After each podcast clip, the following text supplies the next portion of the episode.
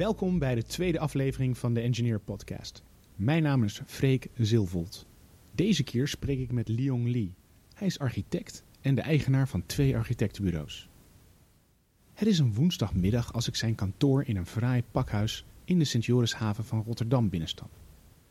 Naast de ingang liggen een paar rolschaatsen van kinderen en bij binnenkomst verwelkomt mij rustige muziek en de geur van goede koffie. Ik hoor mensen Engels spreken, Italiaans en ik meen Farsi te onderscheiden. Een internationaal gezelschap en ik voel me als een vis in het water. Lyon nodigt me uit om de podcast in een andere, wat rustige ruimte op te nemen.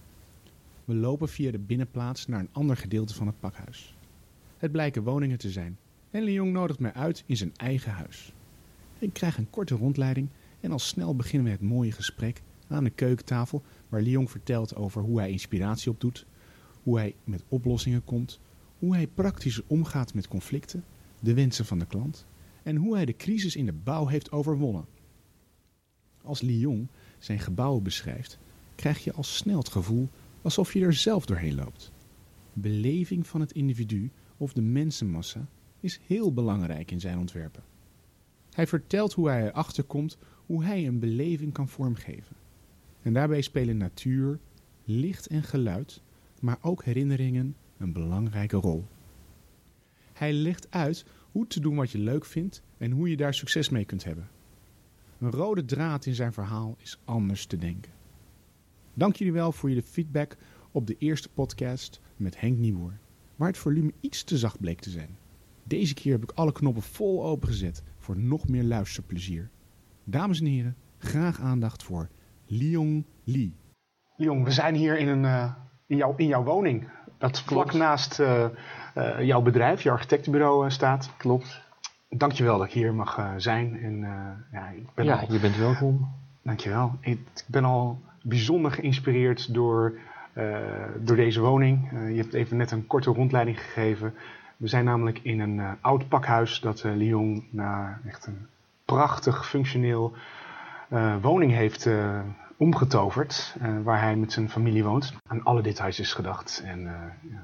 Ik heb er, ja, het is in ieder geval, de beleving is, is heel bijzonder en, en rustgevend. Mooi. Dus, ja. Ik, ik, ik, vind het heel bijzonder. En ik zou ook graag willen dat de luisteraars het konden zien. Want je ziet hier de, de rauwheid van een eh, pakhuis, maar ook de warmte van een, gezinswoning. En dat is ja. bijzonder gedaan. Ja, het is wel op onze website terug te vinden als mensen het willen zoeken.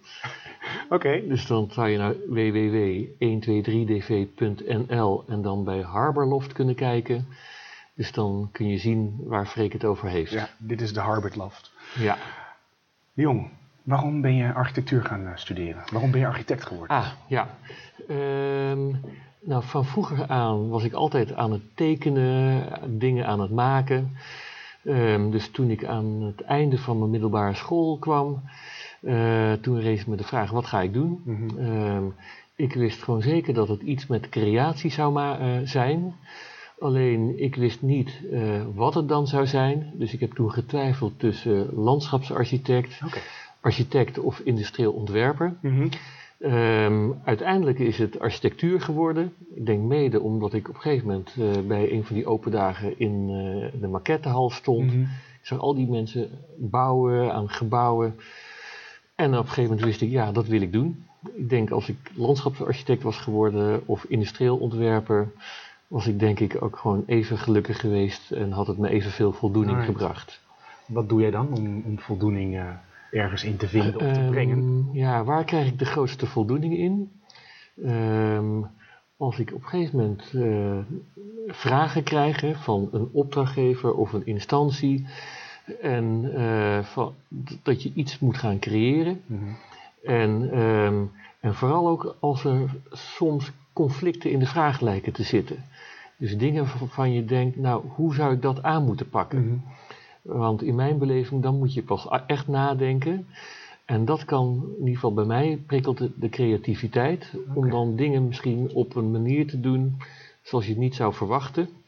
En um, uh, ja, dat geeft mij dan voldoening. En vooral ook dat als de uitkomst ervan is dat het ook weer mensen kan inspireren. Okay. Dus niet anders doen om het anders doen. Mm -hmm. maar het misschien anders doen om mensen weer op andere gedachten te kunnen brengen, te inspireren, uh, te laten zien dat er nog meer is dan alleen maar standaard. Okay. Even voor het begin, voor de luisteraars. Um, je hebt een eigen architectenbureau, wil je daar even kort wat over zeggen? Ja. Wat, wat doen jullie eigenlijk? Ik heb een architectenbureau, we zijn gevestigd in Rotterdam. Uh, we hebben een aantal uh, mensen die medewerkers, projectarchitecten, interieurarchitecten, engineers die het hele technische werk doen, visualisatiemensen mm die de 3D doen. Um, binnen het bureau hebben we twee labels. Eentje is 123DV. En met dat label richten we ons alleen maar op moderne villa's, mm -hmm. oftewel gebouwen voor de particulier. En onder mijn eigen naam Leon Lee, daar richten we ons op zakelijke projecten, daar waar beleving een grote rol speelt. En daar waar ook zeg maar een, een samenhang tussen de buitenkant en de binnenkant, oftewel gebouw en interieur, een rol speelt. In welke bekende gebouwen hebben jullie ontwikkeld? Wat, wat zouden, wat ja, zouden de mensen kunnen weten? veel kennen? voor de jaarbeurs gedaan, Mhm. Media Plaza misschien. Mhm. Dat is een congrescentrum waar innovatie een grote rol speelt. Daar hebben we eh, een van de zalen uitgerust als een zaal waar je het gevoel hebt of je kan eh, vergaderen onder de blauwe lucht. Eh, dus echt ook die zintuigelijke ervaring. Ehm, Ja, dat heb ik hier eigenlijk ook, hè, als ik naar boven kijk. Het is een, eh, een, plafond is ontwikkeld alsof je in een, eh, in een studio zit. Met allemaal van die, eh, die noppen naar beneden. Eh, Ja. Van, is, wat voor schuim plastic Ja, het, het? Ja? het- het zijn ook studio-akoestische eh, Nou, eh, eh, panelen. Aan alle details is hier gedacht. Ook eh, ja, sfeervol licht. Wat Ja. blauw, wat, wat zachter licht. Dus Ja. eh, daar dus ook? Of meer? Ja, ja, daar hebben we ook eh, heel veel met licht gewerkt, met lichtverandering, maar Mhm. ook met projectie. Dus als voorbeeld, als je binnenkomt, dan eh, kunnen er op de vloer eh, visjes geprojecteerd worden. Dat als je erop staat, dan zwemmen ze zogenaamd weg. Mhm. Je kan dat ook met logo's doen. Als je als bedrijf binnenkomt, dat, dat je logo eh, als het ware onder je voeten Mhm. uitglipt. Ehm, dus daar hebben we ook kleine onderzoekjes gedaan tussen reëel, hè, de realiteit, en virtueel. Ja. En hoe kan je dat zo inzetten dat het uiteindelijk een bepaalde beleving geeft wat past bij die situatie? Ik hoor je nou heel vaak over beleving praten. En, Ja. eh, ja ik, ik beleef het hier ook, nu ik hier Ja. bij jou in, eh, in de woonkamer zit. Ehm, hoe kom je erachter wat de beleving moet zijn van mensen of van de, van de uitgebruiker? Hoe, hoe, wat, wat is, dat, dat, dat moet... Ja, ik ben benieuwd, hoe doe je dat? Ah ja, ja, ja. Nou, ehm, eigenlijk als, als we een project doen, kijken we vooral naar de identiteit. Hè? De Mm. identiteit van een mens, hè? Ja. of een gezin, of een, een, een stel, Ja. of de identiteit van een bedrijf. En identiteit, daarmee bedoel ik, als ik over mensen praat, ja, wat drijft jou? Eh, Wat vind jij nou prettig? Eh, waar word je nou gepassioneerd van?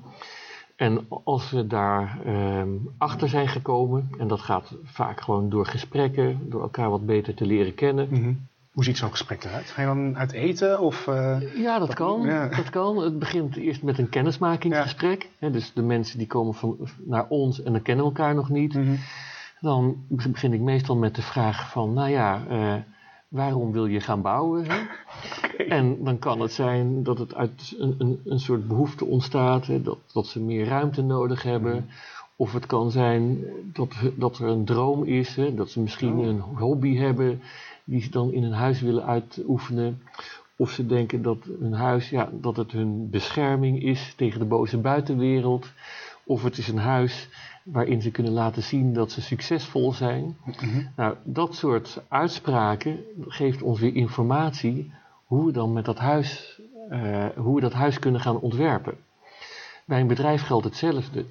Bij een bedrijf kijken we naar wat wil een bedrijf uitstralen, eh, welke markt willen ze eh, benaderen, eh, wie zijn dan die mensen die in die markt zitten. En zo kunnen we dan onze vormgeving erop afstemmen. Ja, ja. Ik heb een- bijvoorbeeld een voorbeeldje. We hebben een, een, receptiegedeelte gedaan voor een incassobureau. Oké. Nou, incassobureau, toen ik dat hoorde, vroeg ik ook, ja, wie zijn jouw klanten? Wat willen jullie bereiken? Toen vertelde de directeur Matthias van, Nou, een, eh, eh, wij hebben klanten die komen naar ons als ze gedwongen worden om te betalen. Oké. Dus vaak vinden ze het niet leuk. En hun vorige receptie, die was helemaal uitgevoerd dat het gewoon eh, bestand was tegen agressie. Want hun ruimtes werden al regelmatig in elkaar geslagen door agressieve bezoekers. Mhm. Ehm, dus toen eh, eh, eh, dacht ik van nou, we kunnen hun helpen als we bijvoorbeeld een ruimte creëren waar de agressie omlaag gaat. Dus toen heb ik voorgesteld, misschien moeten we niet een ruimte creëren waar we alles heel erg defensief gaan maken, maar juist dat we gaan communiceren met welkom, met hospitality. Hmm. Dus toen heb ik voorgesteld, misschien moet je als eerste als iemand binnenkomt iets aanbieden. Een glaasje water of een kopje koffie. Dat is misschien al een, een uitdrukking van gastvrijheid. Ja, ja. De ruimte, niet zware donkere kleuren gebruiken, maar gewoon licht, eh, wit en, eh, ehm, eh, en, en, en transparantie. Mhm. En op het moment dat je moet betalen, dus dan sta je voor de balie. Ja. De, de oude balie was hard, hè? Harde hoeken, scherpe hoeken. Die hebben we uitgevoerd in een soort foam, eh, met een soort witte kunststof eroverheen, wat heel zacht voelt. Kan ook niet kapot. Nee, kan niet kapot, afgeronde hoeken. En ehm, eh, toen ik dat voor had gesteld, toen kreeg je twee dingen. Eentje is dat het personeel, die vond dat wel cool. Mhm. Dus die begon te praten over de knuffelbalie. en dat vond ik heel mooi, want eigenlijk is een incassobureau, ja, dat, dat, eh, dat, dat is een, eh, nou ja, laat ik zo zeggen, dat, dat eh, gaat om harde zaken. Hè? Ja, En- niet echt knuffelen. Nee, niet Dat- echt knuffelen, nee. maar dan kreeg je dus eigenlijk die, die, die, die, ja, die omarming van zo'n zachte term erin. En ik denk dat die verbouwing nu twee jaar geleden is gebeurd. En die ruimte is dus niet meer in elkaar geslagen. Wauw. Dus eh, eh, wat, wat heeft het dan opgeleverd voor de klant? Ik denk qua kosten minder onkosten. Mhm. Ehm, eh, we hebben nog één ander ding gedaan. Eh, eh, bij, de recept, bij de vroege receptie had je één medewerker. En nu hebben we twee werkplekken erbij gezet. Dus dan zit je altijd met z'n drieën. Dus dat je dan wel ook een soort, soort sociaal overwicht hebt.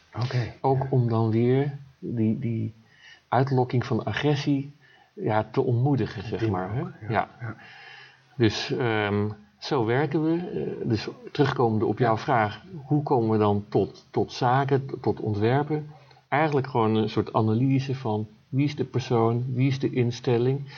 En daar gewoon creatief mee omgaan, door soms anders te denken, anders met gegevens om te gaan, tot oplossingen te komen die wel een, een, als, als basis een, een, een soort logica hebben. Dus Ja. wat wel een effect heeft wat waarde moet leveren aan het bedrijf. Mhm. En waar dan de, de uitvoering ervan, de vorm, een gevolg van is. Dus daarom is onze payoff ook form follows identity. Prachtig. Dus de vorm is het gevolg van de identiteit die een bedrijf wil uitstralen of die een persoon in zijn huis wil, eh, eh, waar die vindt dat hij het beste tot uiting komt. Ja, zou op een tegeltje mogen. Ah, Ehm, ik heb ergens gelezen dat je ook eh, veel doet met de herinneringen van, van, van klanten. Wat, van, bijvoorbeeld eh, met de villa's, laten we even Ja. richten dan op 1, 2, 3 DV-villa's. prima.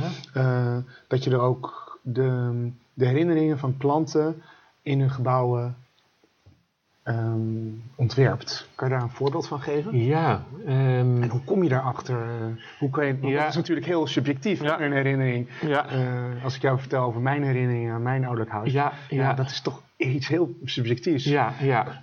Nou, ik kan je wel één voorbeeld geven. Op een gegeven moment deden we een opdracht voor een echtpaar. Mhm. En ehm, eh, ze wilden een moderne woning. En op een gegeven moment zei Mark van, nou, de woonkamer, ik wil graag ook dat jullie de meubels mee ontwerpen. Dus de vaste kasten en het kookeiland. En ik wil dat het gewoon strak en wit is. Toen zei de vrouw, Katja, dat klinkt prima, maar ik heb een oude kast en dat is een erfstuk van mijn eh, opa. Mhm. En dat was een klassieke bruine eikenhouten kast. En eh, dus met veel details en dus niet echt modern. Toen ontstond er een discussie. Mark zei, ja, die kast die komt hier niet in, die gaat mooi naar de kelder. En Katja zei, nou, die kast komt er wel, want dat heeft, die heeft een emotionele waarde. Oh jee, als architect zit je dus Ja. bij een echtelijke ruzie bij. Ja, eh, maar daar kreeg je dus wel een, een vraag waar je, eh, een, eh, een conflict in besloten ligt. Ja. En toen dacht ik, eh, daar moet ik wat mee. Dus ik zei ook tegen Mark en Katja, maak je geen zorgen. Eh, ik, ga, eh, eh, ik zorg dat die kast in de woonkamer komt en ik zorg dat Mark ook blij was, wordt. Ehm, nou goed, ik ging terug naar kantoor. Wat hebben we uiteindelijk gedaan? We hebben een witte kastenwand gemaakt met een uitsnede erin, een soort vitrine. En daar hebben we die bruine klassieke kast in geplaatst. Zodat als het ware die kast bijna als een soort kunstwerk wordt eh, verheven. Mhm. Ehm, toen was het klaar. Dus toen stonden we later eh, met Mark en Katja voor die kast. En de mooiste reactie vond ik van Mark. Die wreef zo met zijn hand over dat hout. En die zei: Ik wist niet dat het hout zo mooi kon zijn, dat bruine hout. Waarop Katja reageerde: Nou, ik heb je altijd al gezegd dat die kast in de woonkamer moet staan.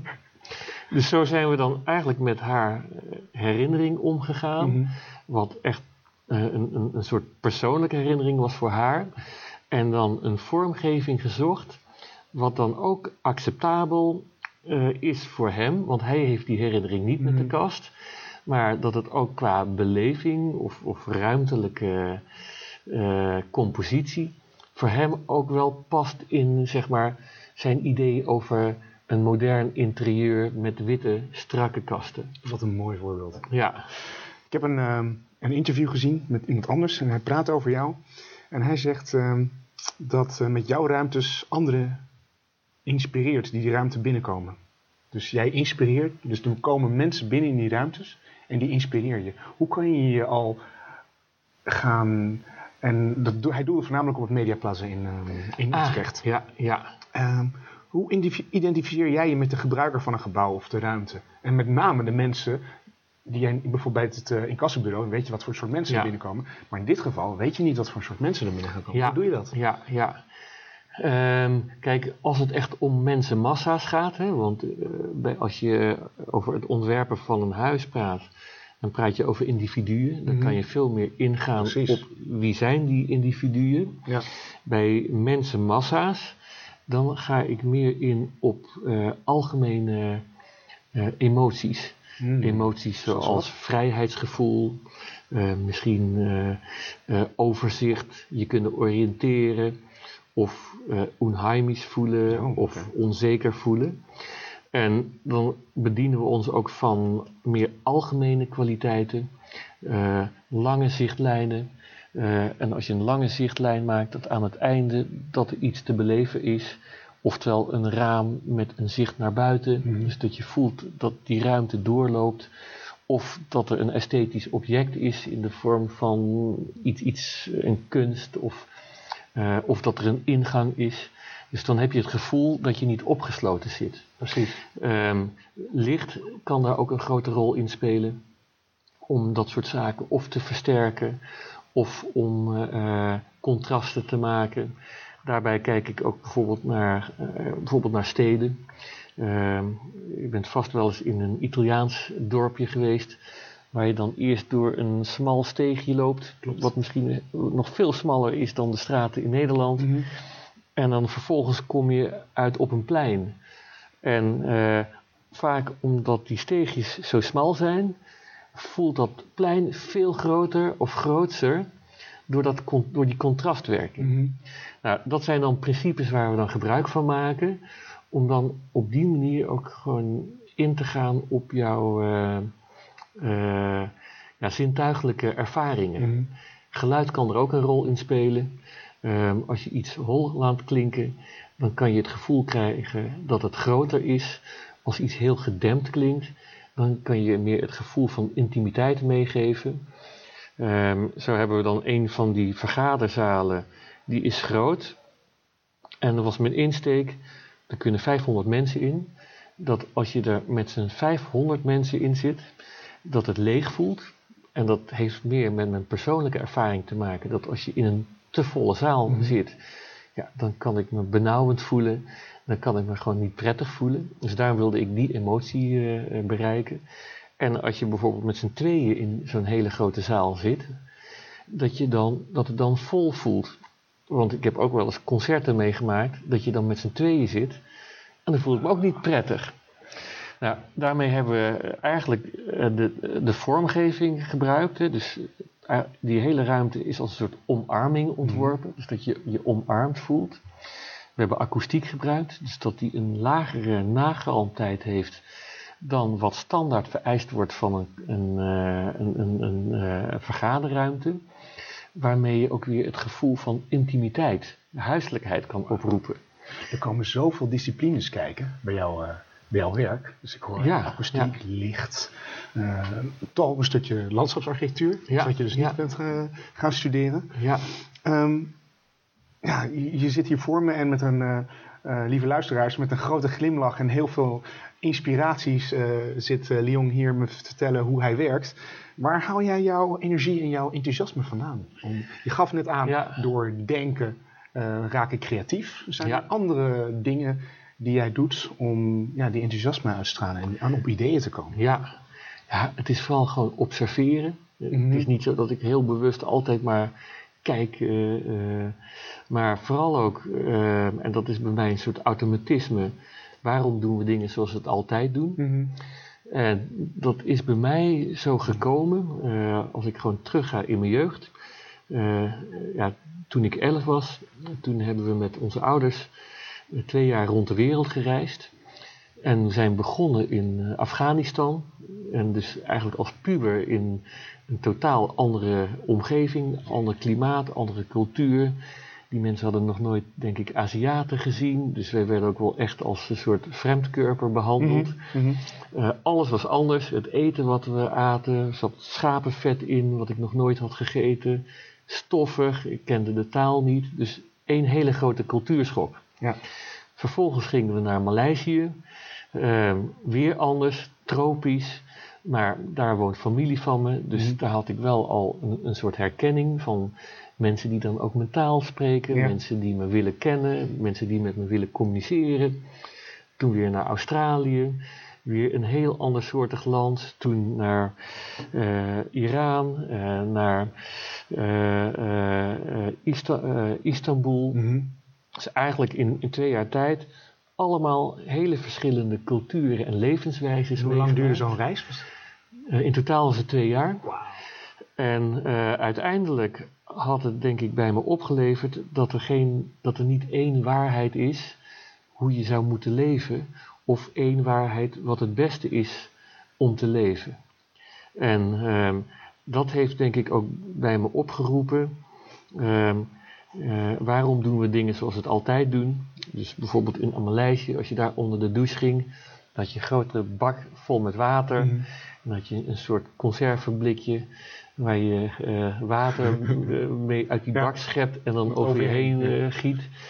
Eh, nou ja, in Nederland heb je dan weer een rain shower. Hè? Ja. ja. En zo heb je eigenlijk gewoon voor datzelfde ritueel, hè, jezelf schoonmaken, heb je allerlei verschillende middelen.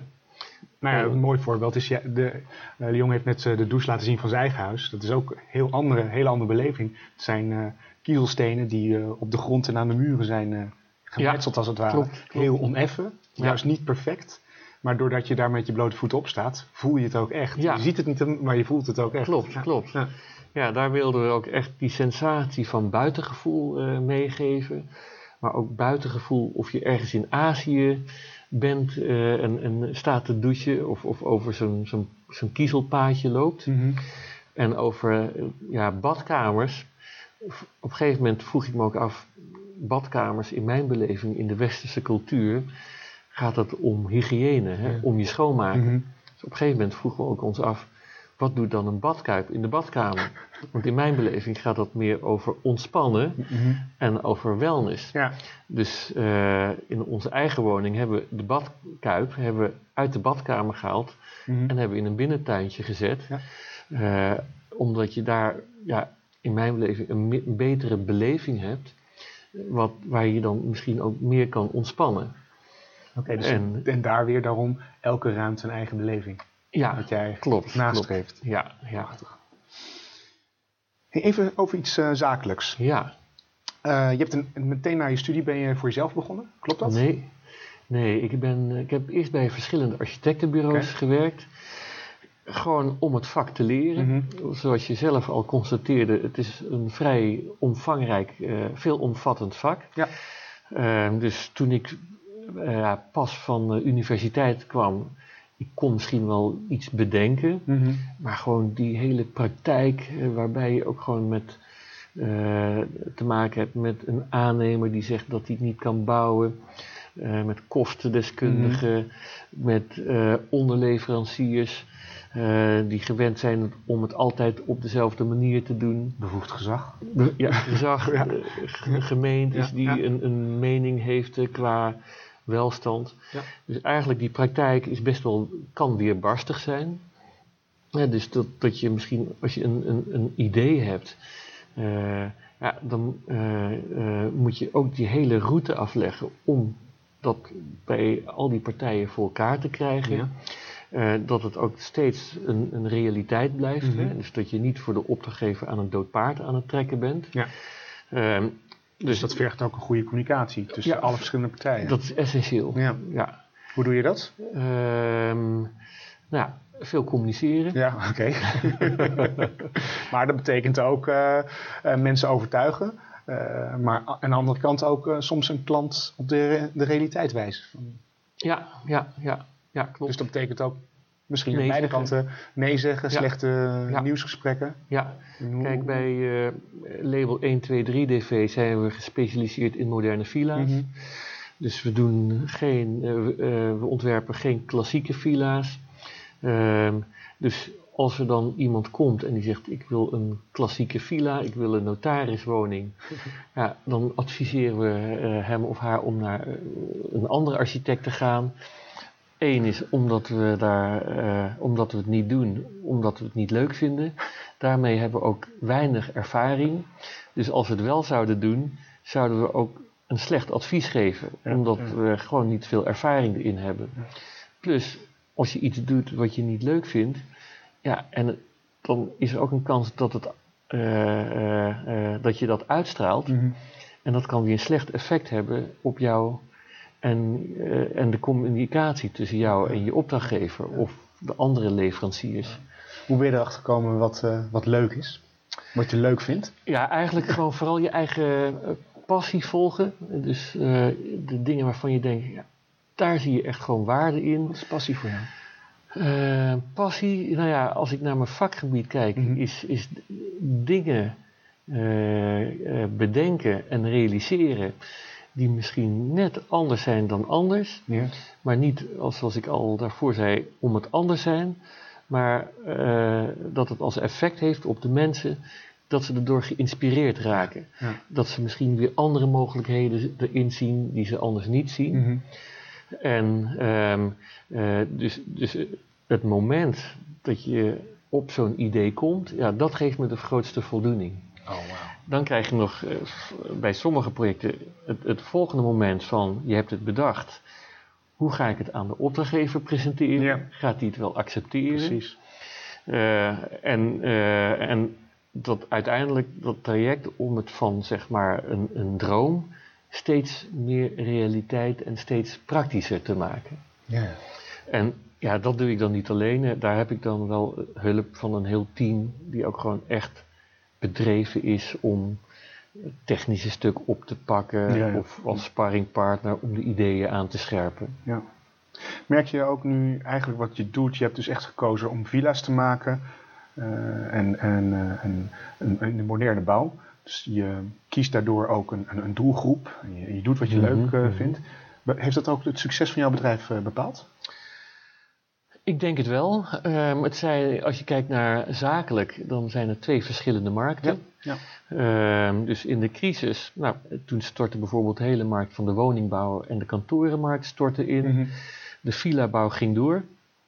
Um, dus uh, eigenlijk door met één been, of met twee benen in twee verschillende markten te opereren, kon dat gewoon zakelijk wel een soort evenwicht geven.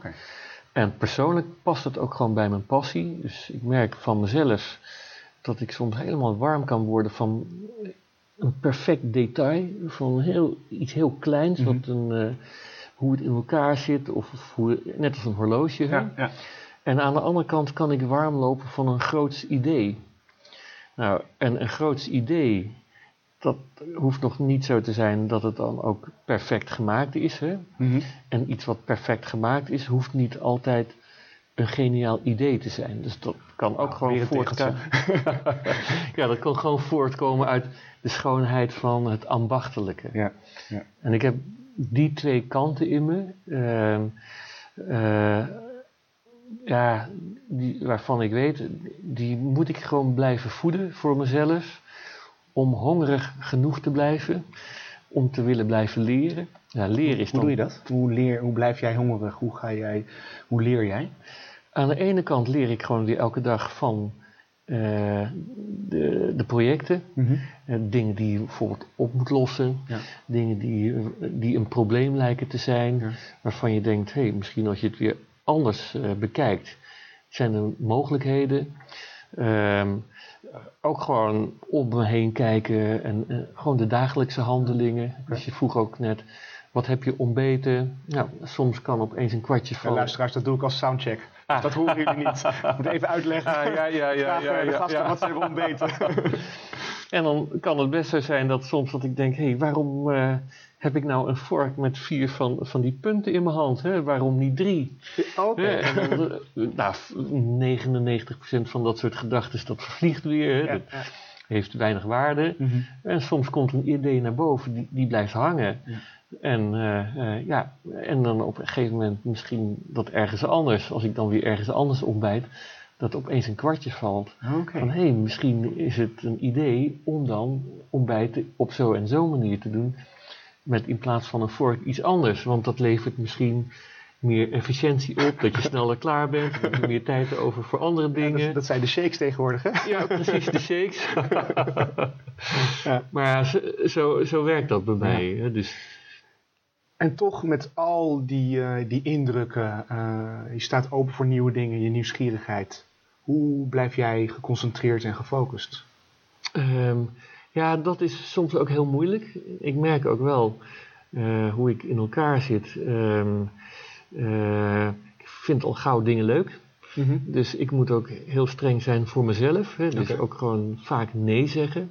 Lukt dat? Eh, niet altijd. Ehm, dus daar werk ik wel met ja, iemand die meer de zakelijke dingen behartigt. Mhm. Die dan ook wel tegen me zegt: Hé hey Leon, dat is wel weer zo'n leuk ideetje.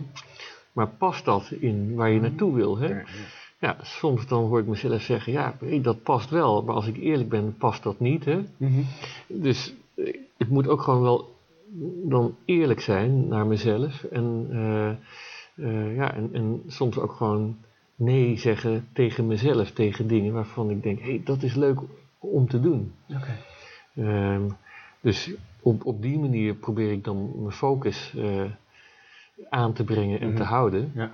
En eh, eh, ja, dus eigenlijk ook gewoon mijn advies naar mensen zou zijn: zorg ook dat je mensen om je heen hebt die ook gewoon jou kunnen corrigeren, Ja. die jou kunnen laten realiseren waar je mee bezig bent. Hè?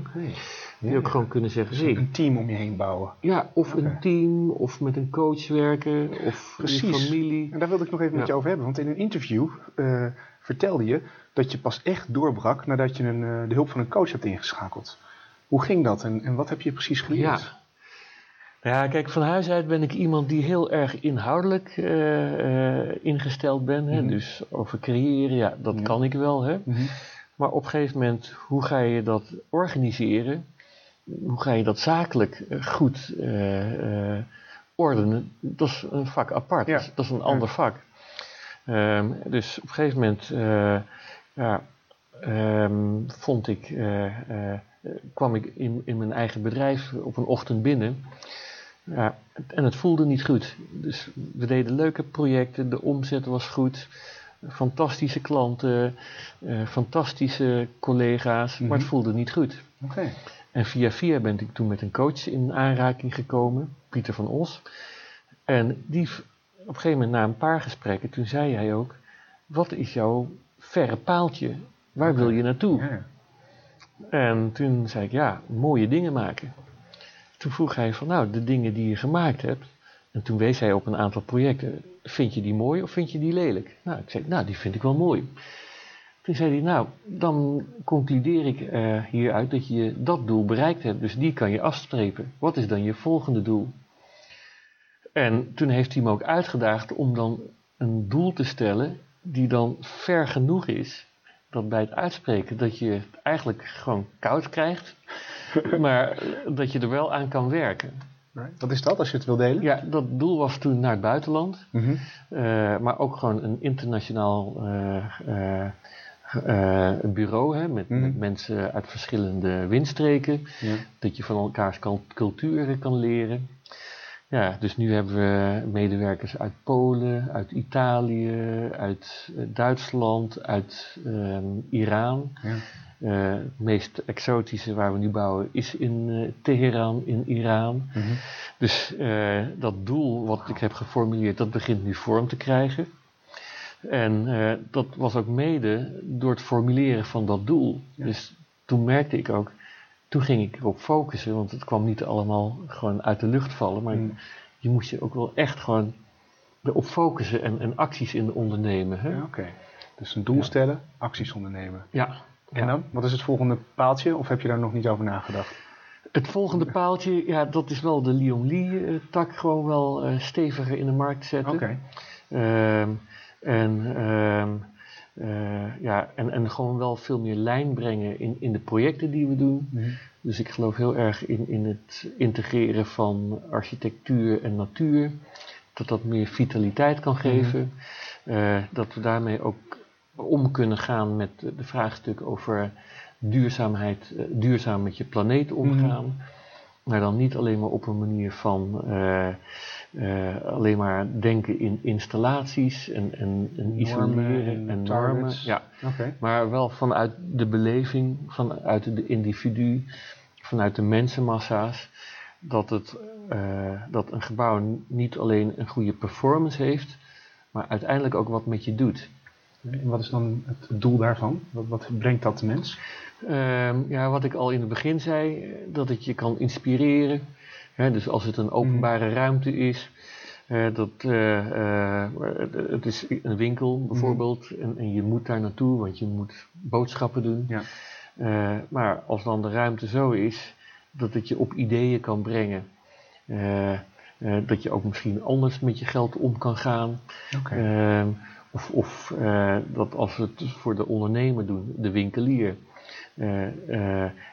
dat je zogenaamd op het idee wordt gebracht om dan dat product eh, te kopen wat, Ja, die ja, eh, winkelier wil. Mhm. Dus dan is het wat meer, Meer commercieel omzet. getint. Hè? Eh, maar heel sterk gekoppeld dus aan gedrag. Oké. Ja. Ik, eh, ik hoor ook bezinning in jouw woorden. Tenminste, dus zo voel ik het. Dus als mensen naar zo'n gebouw komen, dat ze ook eh, ja, tot rust komen, tot zichzelf. ja, ja. Mooi.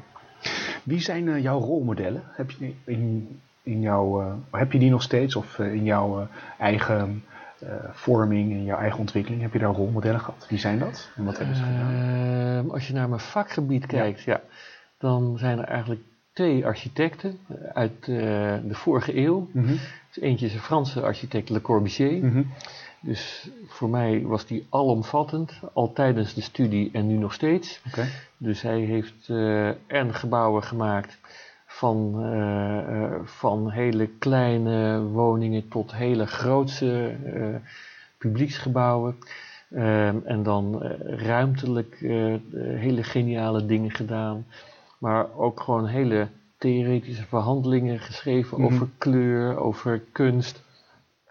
Dus voor mij is hij alomvattend.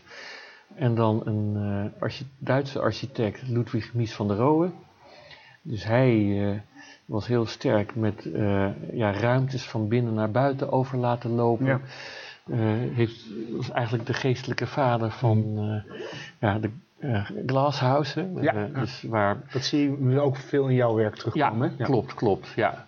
En eigenlijk vind ik dat de hele generaties van nu daar nog steeds opteren. Wel misschien met een soort, ja, een, een, een soort update naar de tegenwoordige tijd. Hè. Uh, gevoed door innovaties van Mm. deze tijd. eh, op gebied van misschien materiaal. Van betere technieken om, om dingen te maken. eh, betere processen om dingen te Mm. maken. Maar zij zijn voor mij wel de, de grote inspiratiebronnen. Ja, ga ik Ja. toch stiekem ook vragen. En persoonlijk? Zijn er ook mensen die jou inspireren?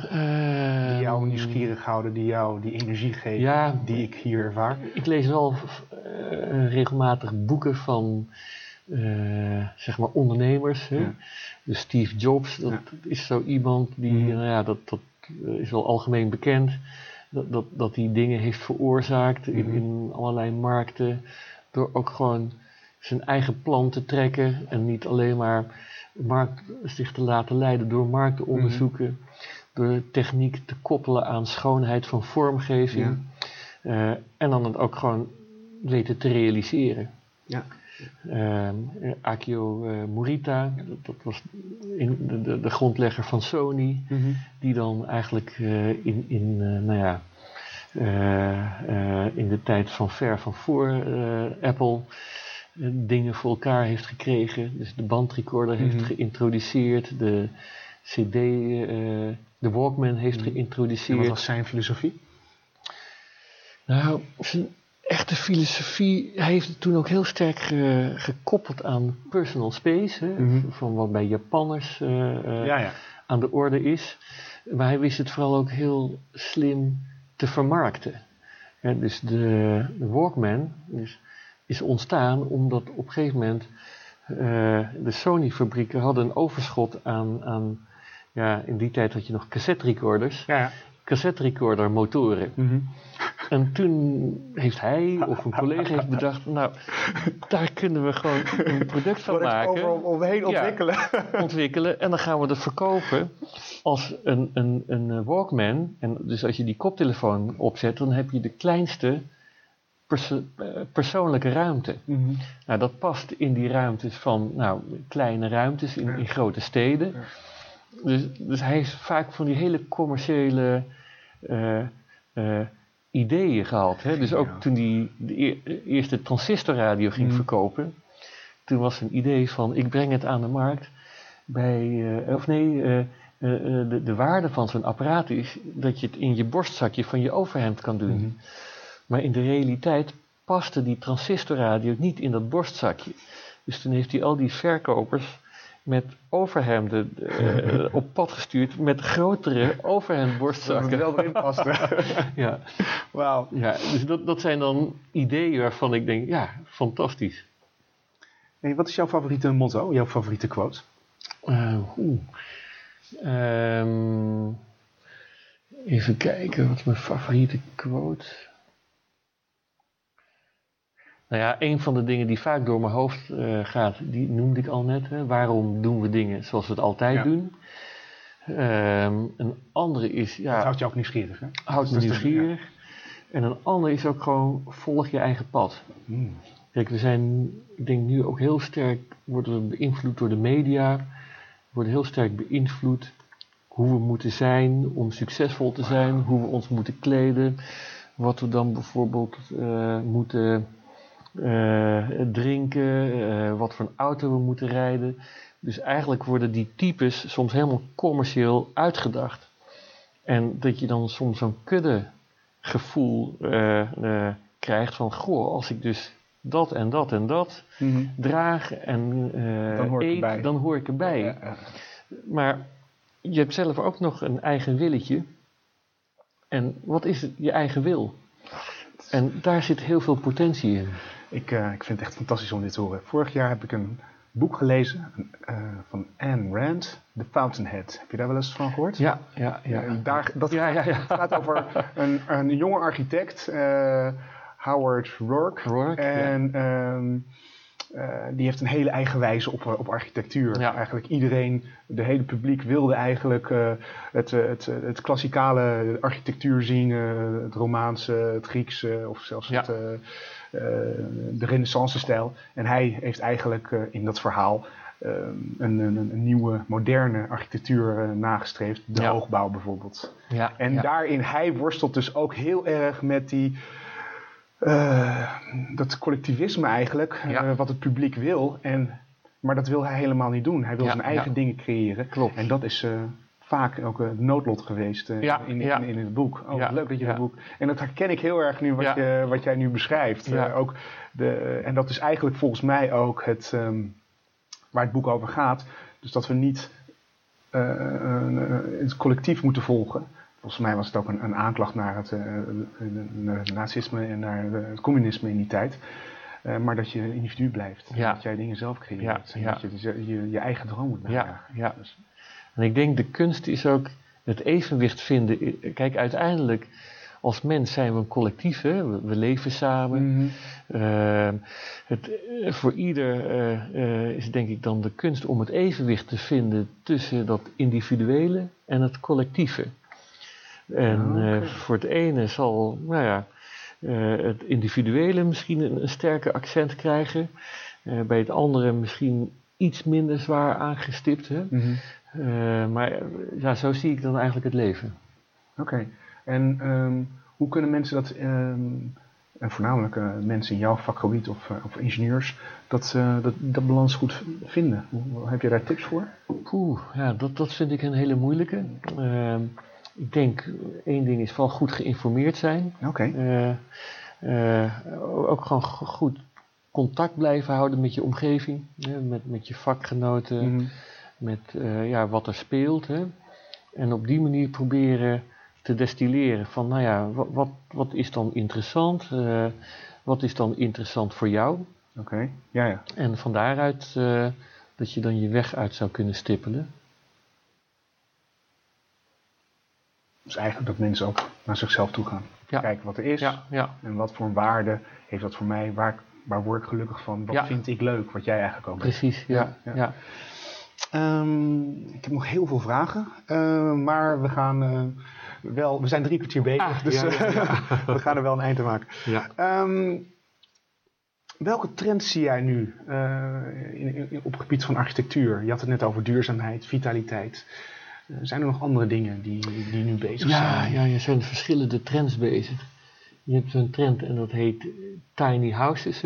Oké, Dus denk komt ik aan Japan. Ja, uit Amerika Uit overgewaaid. Oké. Eh, een soort trend om dan weer eh, in een, een, zeg maar een, een mini-huis te gaan wonen die helemaal, ja, liefst zo zelfvoorzienend mogelijk is. Eh, waarschijnlijk ook een, een, een beetje een antireactie op eh, al die technologische ontwikkelingen. Mhm. Eh, het steeds voorschrijdende van automatismes, van eh, eh, eh, eh, dingen die voor je geregeld worden in plaats van dat je het ik zelf hoor je zeggen het individualisme eigenlijk. En ook het minimalisme. Ja, Ja. ja, ja, ja. ja. Alright.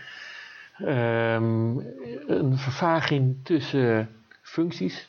Ja, dat speelt eigenlijk al langer Mhm. gaande. Ja. Dus een huis kan ook je werkplek zijn.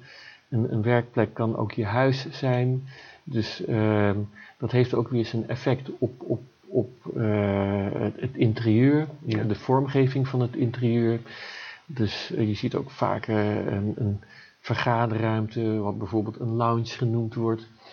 Of, nou ja, nu zitten we Waar, zit, eigenlijk waar nu? thuis hè? te werken. Ja, waar we nu? Volgens mij is het gewoon woonkamer thuis, ja. ja, ja. Ja. Dus die, die vervaging gaat steeds meer, ja, dat zet gewoon door. Ja. Ehm, je ziet ook gewoon die, die, die, die verdere opmars van eh, verhuurbare kantoorruimtes.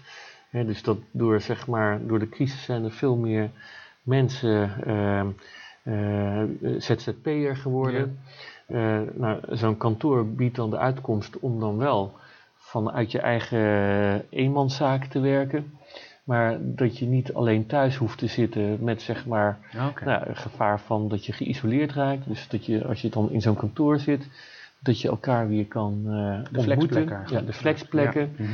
Je ziet ook ehm, technologisch allemaal eh, ontwikkelingen. Dat, dat als je dan op zo'n plek zit, dat je ja, met, met hulpmiddelen kan zien, hé, hey, ik heb behoefte aan een IT-persoon, zit die in de zaal, Ah. kunnen we samen zaken doen? Mhm. Of, dus eigenlijk ook weer dat connecten. Ja, oké. Ja, Was er ook nog een vraag die ik had ja, willen stellen? ja, vandaag? ja. Ben ik iets vergeten te vragen aan je? Ehm, nee. Nee, eh, je- bent al vrij diep gegaan in de materie. Dus. Oké. Hoe Ja. kunnen mensen met jou in contact komen of jou volgen? Ehm, ja, we hebben, een we- eh, we hebben twee websites. Ja, ik zal ze in Dus, de show notes eh, ja. ook noemen. Ja, in, in, via de website ben ik te bereiken. Hmm. Eh, we hebben een Facebookpagina's, Oké. daar zijn we te bereiken. Ik zal ze ook eh, in Ja. de show notes zetten. Ja. Jong, ontzettend bedankt voor dit mooie gesprek. Graag gedaan, eh Freek. En toen stond ik weer buiten. Het waaide hard en ik besloot om de haven in het Lloydskwartier van Rotterdam te ontdekken. Ik was nog onder de indruk van het gesprek met Lyon en de mooie beelden die hij wist te schetsen. Drie dingen die ik heb geleerd van deze podcast. Ten eerste, doe wat je leuk vindt, waar je passie zit en waar je warm van wordt. Ten tweede, vraag je constant af wat jouw volgende paaltje is. Ieder doel vergt een actie, anders kom je nergens. En ten derde, hoe de Walkman op de markt is gekomen. En dat is geen grap, maar getuigt wel van de vaardigheid om buiten kaders te denken en om kansen te grijpen. Wat zijn jouw dingen die je hebt geleerd? Ik hoor het graag. Kijk gerust nog in de show notes van deze podcast voor inspirerende uitspraken van Lyon en de links voor meer informatie over trends, zijn rolmodellen en zijn projecten. Volgende keer ben ik in gesprek met Erwin de Jong. Hij heeft een rijke ervaring als ingenieur bij verschillende bedrijven zoals adviesbureaus, maar ook in de aannemerij. Ik kijk uit naar zijn verhaal en inzichten. Wil je graag op deze podcast komen? Of ken je iemand die ingenieurs goed kan inspireren en motiveren?